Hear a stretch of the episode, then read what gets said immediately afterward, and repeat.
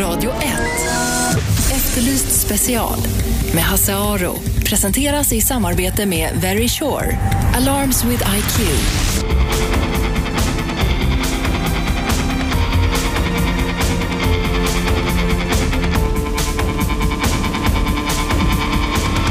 Efterlyst special, välkomna hit. Eh, vi ska prata om våld till att börja med här i programmet idag och våldets konsekvenser. Vi hör ofta talas om människor som blir misshandlade, eh, människor som råkar illa ut eh, men överlever och vi följer kanske processen till att eh, gärningsmannen har åkt fast och eh, fått sin dom. Men sen släpper media ofta intresset. För den som drabbats så, så går det aldrig över. En del eh, får men för livet. 2008 var Niklas Håkansson eh, 16 år och blev misshandlad en februarikväll i Häggvik norr om Stockholm. Eh, det har gått eh, drygt fyra år sedan dess men Niklas lever fortfarande med konsekvenserna av det som hände. Eh, Niklas, hur mår du idag? Ja du, jag har fortfarande en kronisk huvudvärk 24 timmar om dygnet, sju dagar i veckan. Så du har ont i huvudet nu när vi sitter och Ja. pratar? Ja. Och annars, på, vilka, an- på vilket annat sätt har ditt liv förändrats tycker du? Ja, jag gick in igen och den, den fick jag, den, den, jag gick eh, lite mer än halva nian. Jag blev slagen i februari, 8 februari. Mm. Och eh, eh, ja, ja. Om du jämför ditt liv innan, om du tänker tillbaks på livet före den här händelsen, hur såg det ut då? Jag tror jag var, jag, jag var i- jäkligt blyg. Jag vågade knappt räcka upp handen i klassen. Och idag är det redan motat. Mm. Det är, ja. Du, det finns en intervju, jag sitter med en intervju som är gjord, gjord med dig för några år sedan där du säger att det som hände den kvällen var att du blev mördad. Du kände det som att du blev mördad. Känner du fortfarande så? ja, dräpt. Ja, dräpt. Ja, ja. På vilket sätt, hur menar du då när du säger det? Jag pratade med mannen som opererade mig, Mikael Fagerlund. Ja, Han berättade att han dö- dödsförklarade mig under några minuter. okej. Men så överlevde du? Ja. Ja, för att hjärtat stod stilla så länge. För hjärnan kunde inte se till hjärtat slå. Mm. När du tänker på det som hände dig och den som gjorde det här mot dig, blir du bitter då? Alltså jag har varit jäk, jäkligt arg och förbannad på honom. För han springer bara några månader efteråt, ett halvår över, Mm. då var han ute. Mm. Ja. Är du fortfarande arg och bitter på honom? ja, faktiskt.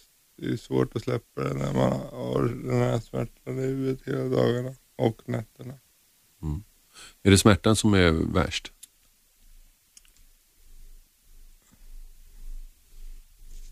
Ja, nu, nu för tiden är det nog så, men förut har det varit så att när jag mådde som sämst då var jag ute och sprang flera gånger på motorvägen och hoppade framför bilarna. Gjorde du? Så därför jag, det är därför jag bodde i Bollnäs, i det riktiga helvetet på jorden. Ja. Jag var ute och sprang några gånger på motorvägen och några gånger kom polisen och fick hem, hämta upp mig. Och, Hur mycket kommer du ihåg av själva händelsen när du blev misshandlad i februari 2008? Ingenting. Ingenting. Jag minns ingenting från den kvällen. Vad är det sista du minns?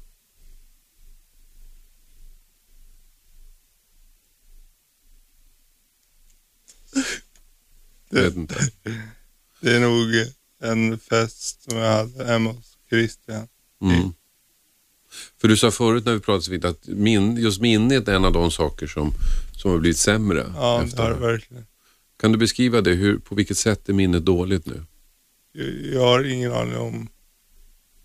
Alltså jag, min, mitt korttidsminne är riktigt väl. Mm, vad betyder det? Det betyder att jag, jag minns knappt vad jag gjorde för en timme sedan. Mm.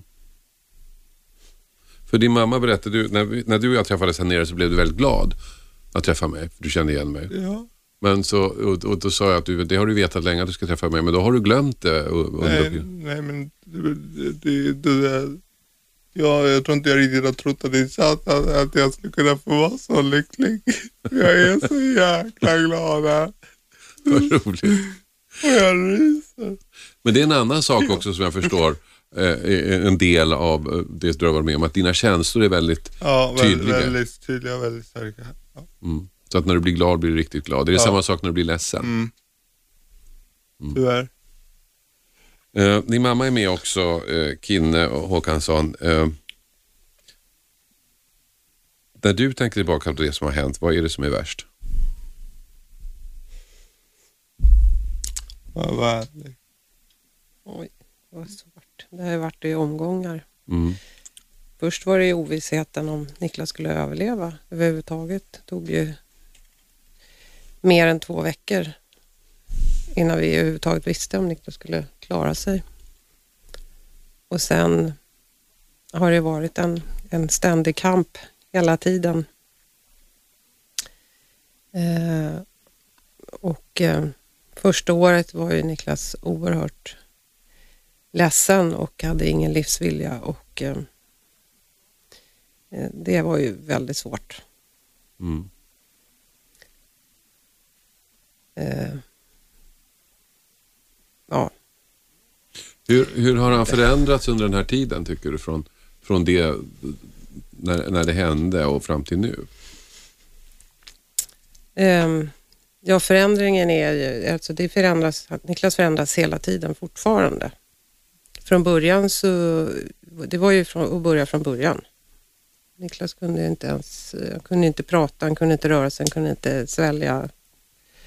Och eh, första månaden så gick det ju framåt eh, motoriskt ganska raskt och kom igen. Men sen har det ju varit hela tiden att man får jobba och försöka kämpa tillsammans. Mm. Och det är ju inte slut än utan det fortsätter ju. Det som har hänt Niklas, det är ju ingen olycka. Nej. Det är liksom ingenting som kommer sådär bara och som man tvingas acceptera utan det som har hänt honom är ju någon annan människa som har gjort. Hur, hur känner du för- inför det? Den total, att det är totalt meningslöst våld i det här fallet som drabbar då oss förstås, Niklas och hela vår familj men även den personen som har gjort det på sitt sätt också. Och det är ingen som... eh, Det är så onödigt med det här. Han som gjorde det begrep väl inte bättre och förstod inte konsekvenserna av vad som händer av en sån här grej. Eh, och att det kan bli så fruktansvärda konsekvenser. Niklas kunde till och med ha dött av en sån här grej. Och det, det får bara inte hända. Det gjorde ju... eh, Ja. Ja, du dog kliniskt, så medicinskt var du borta ett tag. Var du död ett tag? Ja, Ja, fast det var inte riktigt så. Det Mm. Eh, ni lyssnar alltså på Efterlyst special. Vi pratar om våld och våldets konsekvenser. I studion har jag med mig Niklas som är 20 år, Niklas Håkansson och som eh, 2008 blev misshandlad i Häggvik norr om eh, Stockholm. Eh, idag eh, så lider han fortfarande av sviterna av den här misshandeln. Med mig finns också Kinne Håkansson, Niklas mamma. Och Niklas, du, fyller, du, du har fyllt 20, eller ska precis fylla 20. Jag har. Du har fyllt 20. Om du tittar på framtiden, hur, hur ser det ut då? Hur ser framtiden ut tycker du?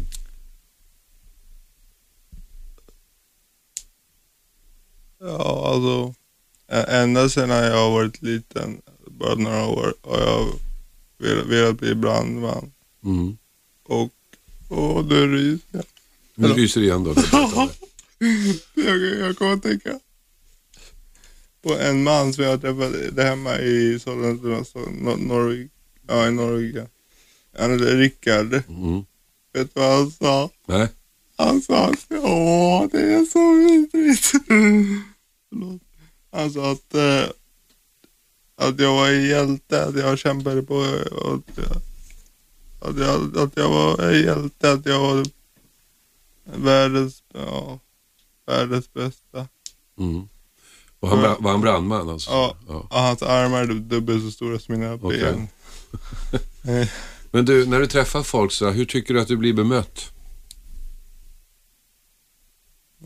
det är nog väldigt olika. Mm. Det det finns de som behandlar mig som, som, som jag var innan. Mm. Och det finns de som behandlar mig som jag vore helt utvecklingsstörd. Mm. Hur känner du då? Eh, Jag, jag, vet att jag inte är utvecklingsstörd, för det har jag till och med på papper. Jag har gjort en utredning. Mm. Eh, Ja, jag blir, Men blir du frustrerad då om folk tror Ja. att du är dummare liksom? Än ja, jag, ja, jag, blir ledsen. Mm. Ledsen och panikslagen. Mm. Vad säger du Kinne? Hur, hur tycker du att eh, Niklas blir bemött? Ehm, Niklas vill gärna berätta vad som har hänt. Lite grann kanske som en förklaring. Mm. Eh, och väldigt, du är väldigt social. Vill gärna prata med folk och en del tycker eh, ska säga, är väldigt öppna för det och blir väldigt berörda. Mm. Och en del tycker att det är jobbigt att visa det då. Så att det är, det är väl som det är. Mm. Men Niklas, tycker jag, som det är nu så känner han av det ganska väl. Mm. Så var det inte i början. Då kunde det bli lite mer att kanske folk som visar att de inte riktigt orkade och sen kan man inte Mm. riktigt känna det där. Men så är det ju inte nu. Nej, men det tycker jag Niklas när vi träffas att du känner av mig väldigt tydligt tycker jag. Ja, Eller?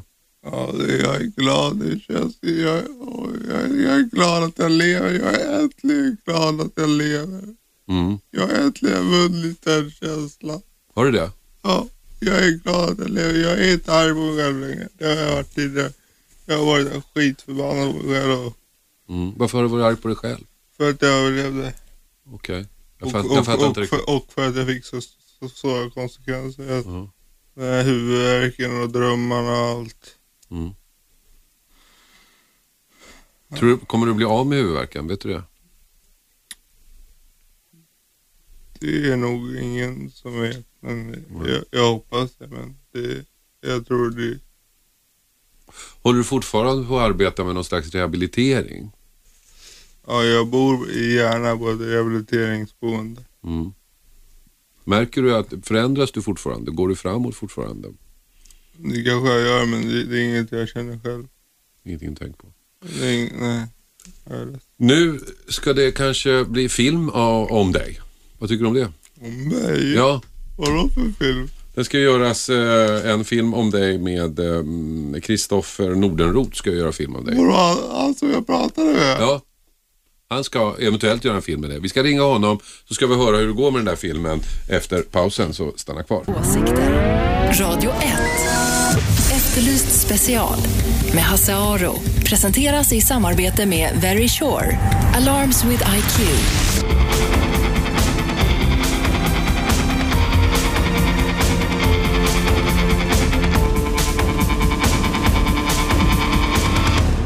Välkomna tillbaka till Efterlyst special. Vi pratar om våld och våldets konsekvenser här i programmet just nu.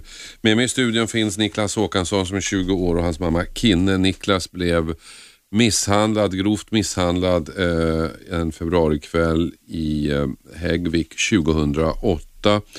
Blev slagen i huvudet med en flaska och lider fortfarande av sviterna från detta överfall. Vi har pratat eh, tidigare med Niklas och eh, konstaterat att det eventuellt ska bli film om den här historien därför att Kristoffer Nordenroth finns med oss på telefon just nu. Kristoffer, du planerar en film om den här händelsen. Precis, det stämmer. Ehm, vi ska producera en, eh, en dramakortfilm ska vi göra, som är baserad på Niklas och det som har hänt Niklas och hans familj. Ehm, vi vill göra en, en kortfilm som lyfter ämnet ungdomsvåld. Och ehm, vi kan säga att man vill göra det genom att berätta om, om eh, vår huvudkaraktärs ehm, eh, vardag. Hur man upplever någonting sånt här som offer. Ehm, det finns så många filmer som glorifierar själva våldet och eh, behandlar gärningsmannens problematik. Men vi vill, eh, vi vill alltså vara hos eh, vår huvudkaraktär som då är baserad på Niklas som har råkat ut för den här misshandeln och försöka och, och visa konsekvenserna och hur livet förändras ehm, helt enkelt. Vad var, det, vad var det just i Niklas historia som gjorde att ni eh, valde den? Det finns ju andra historier också. Ja, det var faktiskt eh, jag som eh, såg ett nyhetsreportage om Niklas. Eh, där han blev intervjuad och han berättade om vad som hade hänt honom. Och jag blev, blev, blev drabbad av sättet som han talade om den han hade varit innan den här misshandeln skedde. Han, han mindes så klart och tydligt precis hur livet hade varit innan. Och eh, han var så väl medveten om konsekvenserna som eh, den här misshandeln hade eh, ors orsakat honom då. Och eh, det, var, det var väl just, just det där som, eh, som gjorde att jag kände att jag skulle vilja berätta om, Niklas fall. Niklas, kommer du ihåg att du i en, en intervju sa tidigare eh, har sagt att det känns som du har en motorsåg i huvudet? Ja, men det känns som om någonting trycker mot tinningarna ungefär. Mm. Och pressar och ja. Mm. Och det, det har inte blivit bättre under tiden? Det har varit likadant hela tiden, eller? Det har säkert blivit bättre men det är ingenting som jag känner. Jag har fortfarande extrem huvudvärk. Mm. 24 timmar dygnet, sju dagar i veckan. Mm. Du, eh, Kristoffer, för det här, just det här med, med motorsåg, att, att eh, han hade motorsåg, Mm. det var någonting som du fastnade för? Ja, det, det är det ju. Ehm, och det har vi också eh, valt att använda i filmen, just det här som Niklas eh, har beskrivit i, i intervjuer tidigare. Att, att det känns som motorsågar i hans huvud, den här konstanta huvudvärken. Mm. Och eh, det är återigen de här eh, konsekvenserna av den här misshandeln. Och ehm, som Niklas också har sagt, det, det, var liksom, det var ett slag bara. Det går så fort och så, så plötsligt så förändras livet och man får leva med de här konsekvenserna. Eh, Men just det här med motorsågar har vi tagit tillvara på i filmen och eh, vi vi kallar också filmen för Motorsågar. Mm. Gör vi. Hur långt har ni kommit? Eh, Vi har kommit ganska långt. Det finns ett manus färdigt och eh, vi planerar att eh, filma det i eh, juli, slutet på juli nu. Eh, Men det är eh, lite kvar med finansieringen och sådär. Eh, Vi är ett, ett gäng unga filmare kan man säga som, som gör det här och vi har alla ganska mycket erfarenhet av, av filmbranschen så tidigare men vi står i, ändå i början av våra karriärer allihopa kan man säga. Mm. Och eh, alla inblandade ställer upp gratis för att det är ett eh, hjärteprojekt det här som vi alla brinner väldigt mycket för och, och tror på. Men eh, det krävs som sagt lite mer finansiering ändå för att driva igenom ett sånt här projekt. Eh, Gör det. Kinne, du som är Niklas mamma, eh, vad, vad, vad, vad hoppas du av den här filmen? Eh, ja, det vi hoppas är ju att det framförallt ungdomar och, eller alla som ser den förstår vad det kan bli för fruktansvärda konsekvenser av ett enda slag. Mm. Det är inte som på filmer man ser på TV där folk står och bankar på varandra eller gör grejer och reser sig upp utan ett enda slag kan ge livshotande skador och konsekvenser. Mm. Niklas, när du ser TV och när du ser filmer när, när folk spöar på varandra, när de slår varandra, hur reagerar du då? Jag blir förbannad när jag ser någon slå någon med någon flaska ut och de bara ställer upp. Jag blir skitförbannad. Tror du att det är många som tror att det är så? Att man får en flaska i huvudet och så skakar man på sig och går därifrån? Ja, jag tror tyvärr att han som slog mig är så jävla dum i huvudet han trodde det. Han trodde att det var bara att... Ja. Eh, Men det kan ju vara så. Man kan ju ha tur och man kan ha otur. Även i sånt läge. Fast när man får en flaska i bakhuvudet, i bakhuvudet så, så är det nog ganska svårt att man inte blir skadad. Om den här filmen nu blir av, vad hoppas du att den kan eh, göra? Eh, Ja, jag hoppas den kan leda till mindre våld. Och mindre... Ja, mindre våld och mindre slags... Ja, min, våld med tillhyggen framförallt. Eh, Kristoffer, kommer ni på något sätt att skildra gärningsmannen i den här filmen? Nej, det, det kommer vi inte att göra utan vi har valt att faktiskt inte ens eh, visa gärningsmannen. Utan vi, vill, eh, vi vill berätta om, om eh, offret, så att säga, om, om, om Niklas. Vi tycker det är mer intressant och, ehm, och eh, jag tror att det också kan skapa en större förståelse och ett större underlag för diskussion bland ungdomar kring ungdomsvåld och, ungdomsvåld och eh, om livet överhuvudtaget. Om man, om man får se en glimt av de här konsekvenserna. Ja, för det kan, annars, ja, det kan annars bli en diskussion om varför man gör såna här saker och det är väl i sig en intressant diskussion men den Absolut. kanske överskuggar den andra om konsekvenserna. Absolut, och det handlar ju om, om vad man väljer egentligen att berätta för historia. Och, och vi har valt att berätta historien om, om Niklas då nu. Du, eh, om man nu tycker att det här filmen är en bra idé då kan man vara med och finansiera den. Man kan gå in på en sajt, eller hur? Man göra. Då kan man gå in på www.fundedbyme.com och sen så söker man då på motorsågar som eh, vår film heter. Okej. Så kan man vara med där och eh, man kan eh, bidra med så lite eller så mycket som man vill helt enkelt. Och så får man ett litet tack i eftertexterna som, som hjälp. Eh, vi tror att det kommer bli en jättebra och fin film det här så att eh, alla, alla bidrag är välkomna, verkligen. Okej, fundedbyme.com går man in på, söker på motorsåglar om man vill vara med och stödja den här filmen. Tack så mycket Kristoffer för att du var med. Tack, så mycket, Niklas för att du kom hit och tack så mycket Kinne också för att du kom hit. Ni lyssnar alltså på Efterlyst special, Radio 101,9. Efter pausen ska det handla om något helt annat. Radio 1. Efterlyst special med Hasse Aro. Presenteras i samarbete med Very Sure. Alarms with IQ.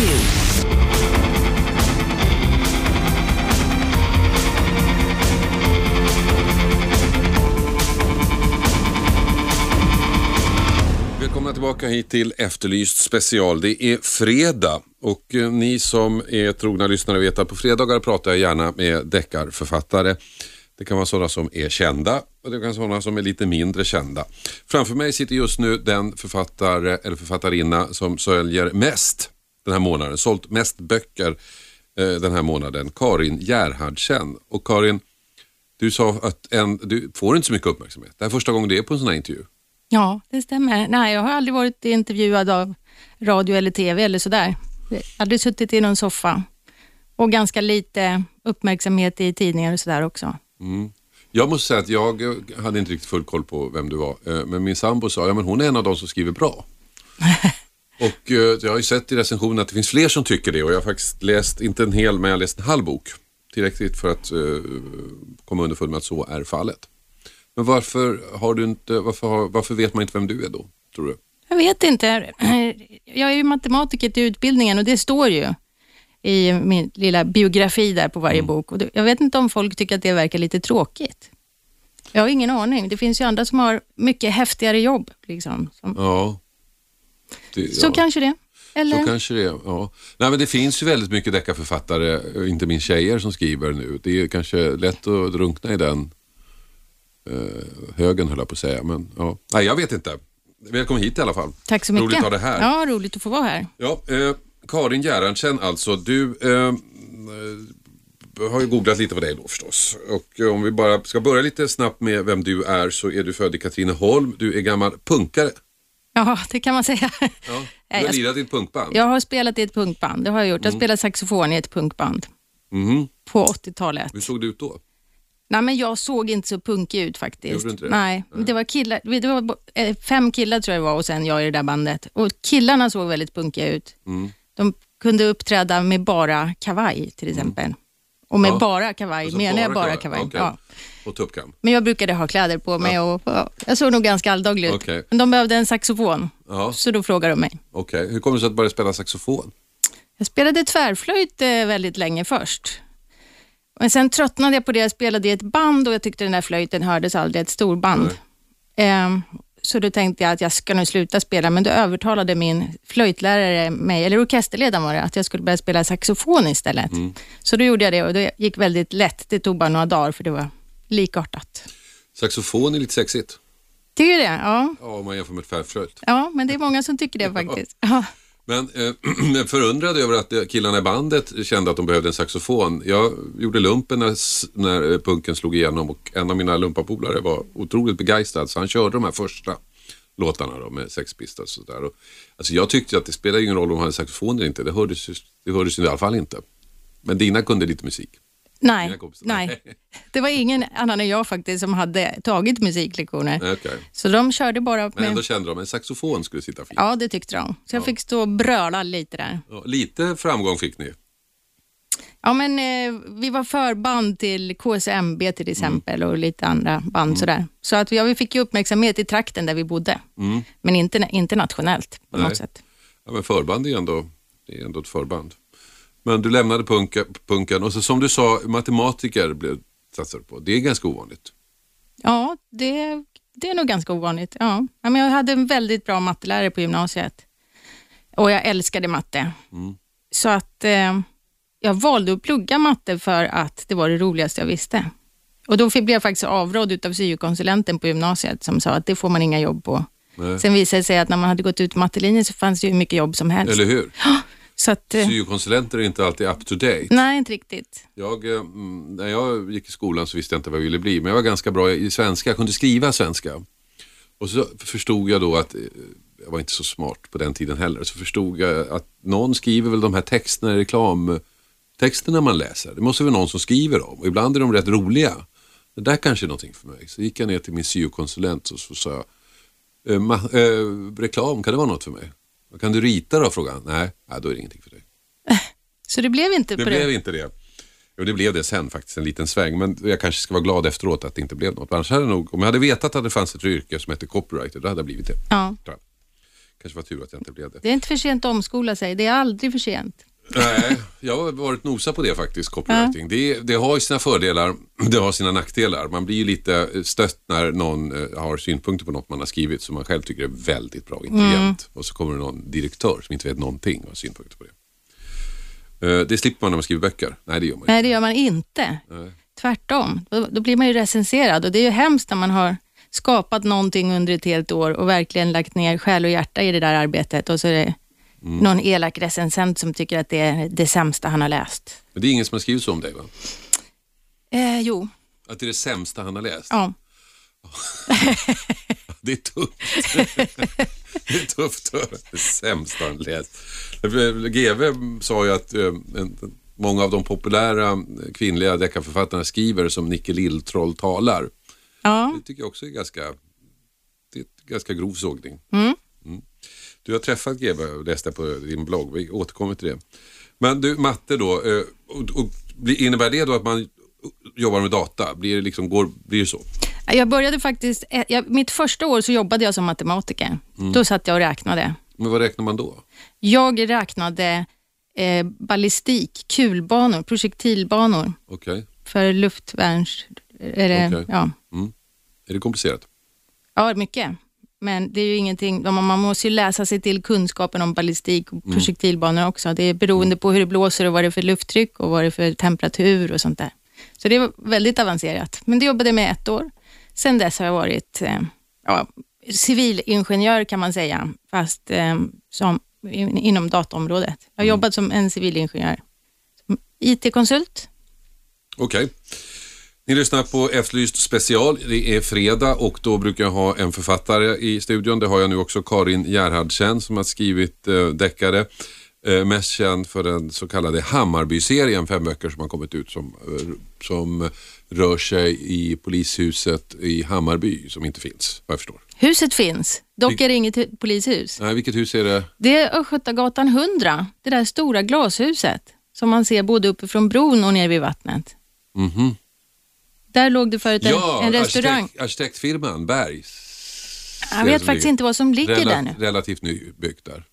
Jo, ganska nybyggt. För det var när jag skrev den första boken Ja. så tänkte jag ju, jag har ju gjort så här att jag vill ju hitta på ett eget polisdistrikt Mm. för att inte trampa något befintligt polisdistrikt på tårna. Så då tänkte jag uppfinna mitt eget, men det ska ändå vara i riktiga Stockholm.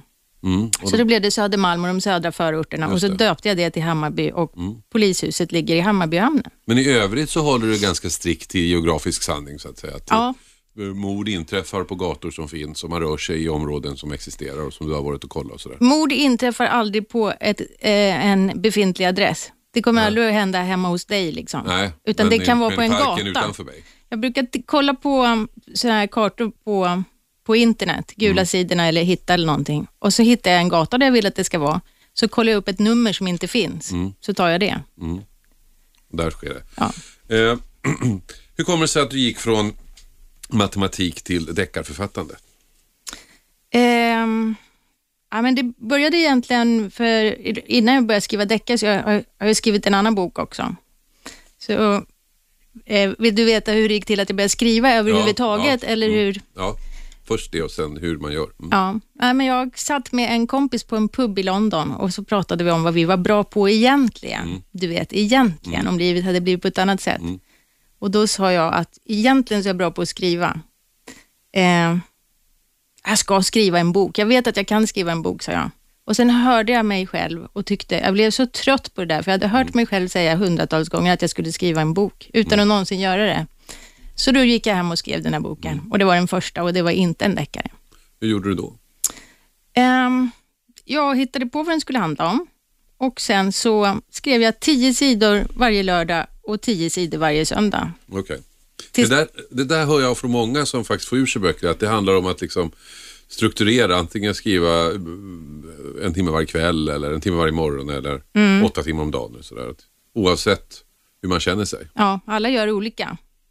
Men så gjorde jag den gången i alla fall. För då jobbade jag heltid och så var jag tvungen att pressa in det på helgerna. Men vad handlade den om? Det var en filosofisk idéroman faktiskt, inspirerad av en gisslansituation i Libanon i fyra år med några engelsmän som satt där. En verklig... En verklig händelse. okej. Ja, och jag bodde i London när han, Terry Waite hette han. Han var ihåg. en eh, präst från den ekumeniska kyrkan som hade upp, eh, liksom, fått de andra gisslan att må bra under de här fyra åren. Utan, dem så hade de inte överle- utan honom hade de inte överlevt, sa de. Och det var så gripande intervjuer med honom och alla vittnesmål om vilken fantastisk människa han var. Så då började jag filosofera om hur man själv skulle reagera om man satt i ett i ett litet källarrum utan fönster med en naken glödlampa i taket. Och vad man, hur man skulle fördriva tiden och vad man skulle, man skulle repa mod att leva vidare. Mm. Så boken handlar om, Det låter som en svår bok att skriva. Så, alltså, när du har en deckare så är det ändå en intrig att att klamra dig fast vid, så att säga. Eller Ja. har jag fel? nej men, eh, eh, det är ju en intrig även i en bok som inte är en deckare. Intrigen där bestod ju i vad gjorde de under tiden de Ja. satt där? Hur gick tankarna? Vad sysselsatte de sig med?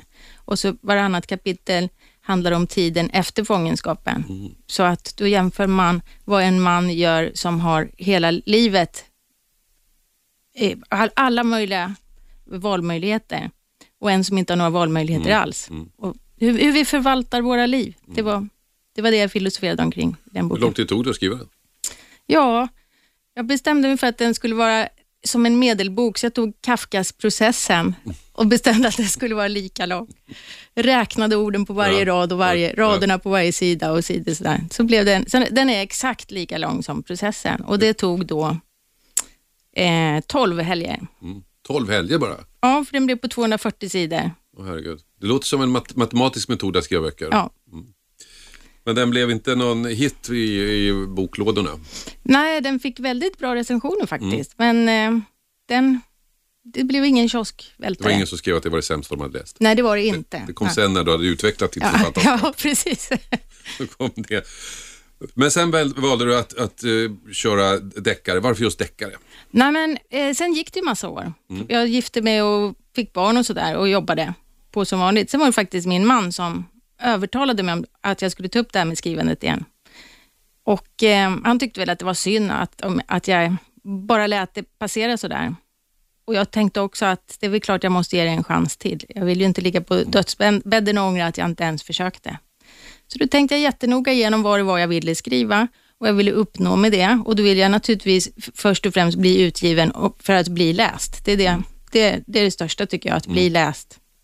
Ja, men det är väl det är därför man skriver. Ja, men det kanske finns sådana som Många som- skriver för pengar eller något sånt där. Ja. Det vet inte jag. Men jag skriver för att man tycker det är så kul Ja, men de att folk fina läser vad man skriver. de skriver ju bara för att få uttrycka sig. Ja. Mm. Ja. Men det tror jag inte på. Utan jag tror att alla vill bli lästa och så en del vill bli lästa väldigt mycket för att tjäna pengar. Ja. Eh, lyssna på Efterlyst specialfredag. Jag pratar med Karin Gerhardsen, författarinna som har skrivit eh, Hammarby-serien, fem böcker om polisarbete i den fiktiva polisdistriktet Hammarby i ett övrigt äkta Stockholm. Vi ska fortsätta prata med Karin efter pausen. Åsikter. Radio 1. Efterlyst special med Hasse Aro. Presenteras i samarbete med Very Sure. Alarms with IQ.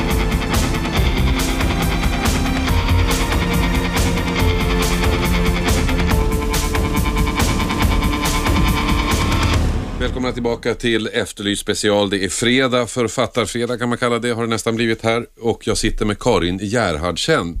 Karin som har skrivit eh, den så kallade Hammarby-serien, fem böcker som eh, utspelar sig i det fiktiva distriktet Hammarby i Stockholm. Och eh, den senaste boken, Helgonet, har precis kommit ut i pocket och leder pocket-toppen, alltså i den mest sålda pocket just nu i Sverige och det är väl roligt? Mycket. Vi pratade innan pausen om varför du började skriva deckare just. Och, och varför? Eh, därför att jag ville ju... Eh, ja, de, dels så tycker jag att det är otroligt roligt med deckare. Jag har alltid själv älskat att läsa deckare och titta på deckare på TV och leka deckare och eh, sådär. Ehm, men sen var det ju också för att nå en, en eh, bredare publik och att bli utgiven överhuvudtaget. Så då fick jag för mig att deckare tilltalade både förläggare och publik, så då tänkte jag att det är ju något för mig. Det passar ju min matematiska ådra också med. Ja, tänkte just komma in, men det är, det är ju så att deckare tydligen, tydligen passar både läsare och förläggare. Eh, för att det skrivs väldigt mycket deckare i Sverige och det säljs väldigt mycket deckare. Men när jag läst, det jag läst av dig, så just det här med matematiker, därför att du har eh, jag tycker du bygger en intrig, alltså varje kapitel slutar i någon slags tråd. Något, någon liten cliffhanger som vi säger i med, mediaspråket. Och så, Mm. Nu har jag inte kommit till slutet men jag antar att du knyter ihop de där trådarna på slutet. Och det, det är väl en slags matematisk process kan man väl säga. Ja, det tycker jag. Jag tycker det är ett väldigt komplext arbete faktiskt. Att sy ihop en deckarhistoria som ska vara trovärdig, spännande och så ska den hålla också ända in i kaklet. För Det tycker jag är en svaghet hos många deckare, att de inte håller i slutet. Så det är som att slutet inte var uttänkt från början. Eh, eh, Jag tycker att väldigt många inte håller ens i själva arbetet, alltså när man läser om polisarbetet och där slutar jag ibland att läsa. Liksom, när, den, Ja. när, den, när den uppenbarligen mest misstänkta personen statistiskt sett bara passerar förbi. Ja. Utan att någon ser honom, då tycker jag att nej, då kan jag ägna mig åt något annat. Men Sånt du, försöker jag undvika. Ja, fast eh, jag läste på din blogg. Den är inte så omfattande, det är fem inlägg. Det är snort. Man förstår den fort. Liksom. Där pratar du om ditt möte med Leif GW Persson. Ja, Och ni pratade just om polisarbete och han ställde sig tveksam till dina kunskaper om det. Ja, det gjorde han. Vi hade väldigt trevligt faktiskt. Vi tillbringade en helg på en krimimässa i Danmark. Så vi hade jättetrevligt. Men han ifrågasatte omedelbart mina poliskunskaper. Och Då så sa jag att jag har ändå, eh, mina mycket goda vänner och grannar jobbar på Rikskrim. Och de, har, de är väldigt kunniga, så de ringer jag till hela tiden och sen kan de eh, koppla mig vidare till andra som har specifika kunskaper som jag behöver. Och Då frågade han, ah, vad heter de då? Så då sa jag vad de hette. Det finns inget som heter. Så var det. Så att, eh, därför skojade jag lite med honom på den där bloggen. Ja. Eh, jag har ju jobbat många, många år så jag, du gick ju direkt i fällan där kan jag säga. Ja. Eh, men när du då skriver de här böckerna, hur, vad är viktigast för dig tycker du? Intrigen eller personerna? Eh, ja, då måste jag väl ändå säga intrigen. För en deckare är inte en deckare utan in, en spännande och intressant intrig. Men jag tycker att, att person, personerna, karaktärerna är nästan lika viktiga. För Jag tycker inte att, att en bok blir riktigt bra heller om karaktärerna saknar djup och Ja, trovärdighet. Nej, det blir det inte. Vilka deckare läste du själv innan då? Vilka tyckte du var bra? Innan jag började Ja. skriva själv, ja, Sjöwall Wahlöö var ju mina favoriter. Nu har jag inte läst dem på många år, men det var det bästa jag visste. Nej. Eh, Karin var- Fossum är jag väldigt förtjust i också. Ja. Men Sjöwall var här faktiskt och intervjuade henne. Jaha. Visade sig, vi bodde grannar. Och eh, jag- läste om en av deras böcker Mm. faktiskt. För att jag köpte ett landställe och då ingick ett litet bibliotek med Mm. en av de böckerna som jag inte hade läst. Den var väldigt bra fortfarande. alltså. Jag tycker att den här, Den skrattande polisen, är den bästa deckare som någonsin har skrivits. Mm. Ja, eh, den vedervärde mannen från Säffle är min favorit. Men den här som jag läste, Mannen som försvann, var väldigt roligt. För den utspelas också i Östtyskland. Och så tyckte jag att de på ett väldigt bra sätt beskrev Östtyskland. Om jag skulle beskriva för mina barn skulle jag använda det. Ja. Eh, där- fem böcker har det blivit. Hur många ska det bli, tycker du? Jag vet inte. Ehm, jag har skrivit så länge som jag tycker att det är kul. Men det vore kul om man kunde komma upp i tio i alla fall. Mm. Så jag satsar på det. Sjöwall Wahlöö skrev just skrev tio. Ja, det är ju jämnt och fint. Då kan man säga att man har skrivit en dekalog. Det låter ju lite flott. Det gör det. det påminner en annan grej som GW berättade. För när han skrev sina första böcker så skrev han ett, tre stycken. För det var det enda han visste vad det hette. Trilogi. Ja. Då blev det tre. Han visste inte vad två eller flera hette. Nej. Eh, ni är ett gäng som sitter hemma och skriver Ja. deckare. Eh, jag har ju träffat några av er. Eh, men så har träffas ni ibland, ni ska träffas ikväll berättar du, så har ni firmafest. ja. Vad snackar man om på en sån firmafest?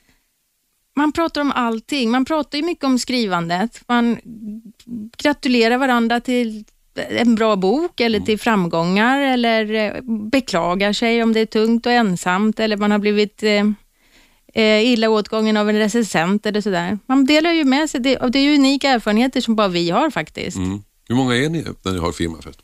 Vi är nog en 40-50 personer. Det är så pass? Ja. Och vad har ni gemensamt, ni som är med där? Då? Jag, jag utan att, nu kanske jag, eh, jag tar chansen, jag tror inte Leif kommer. Nej, Nej. det tror inte jag heller. Så att, vilka är ni som är där då? Vad har ni gemensamt? Eh, ja, men vi, att, att vi är där är ju för att vi är lite socialt eh, törstande kanske, så vi vill ju träffa varandra. Det är ju så himla kul och vi har så roligt. Alla är så fantastiskt trevliga och intressanta människor. Eh, vad har vi gemensamt? Ja, just det.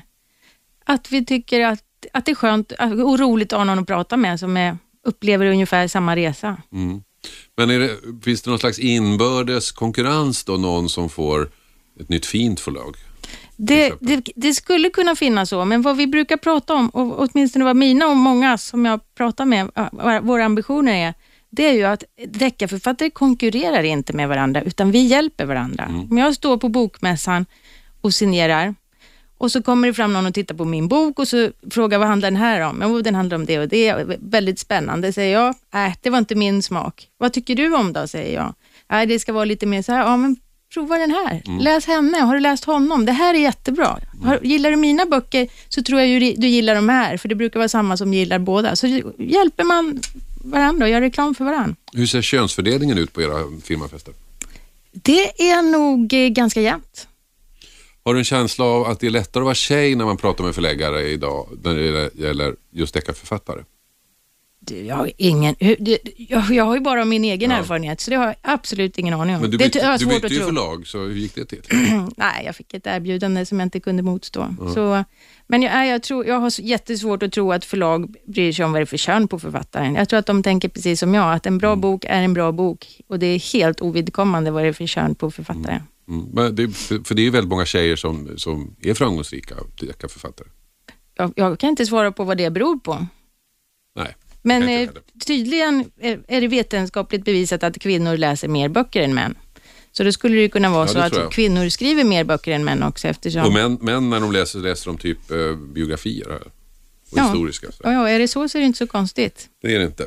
Ja, men då får jag önska er en trevlig kväll. Ehm, eh, vi har alltså hört Karin Gerhardsen som är författarinna, har skrivit eh, Hammarby-serien. ehm, fem böcker hittills i en deckarserie som utspelar sig i Stockholm i det fiktiva distriktet Hammarby men där allt annat övrigt, för, eh, övrigt finns och man löser eh, brott och mord under ledning av kriminalkommissarie Conny Sjöberg. Efterlyst special i slut, inte bara för idag utan för den här veckan. Hoppas vi hörs igen på måndag. Hej då! 101,9 Radio 1. Sveriges nya pratradio.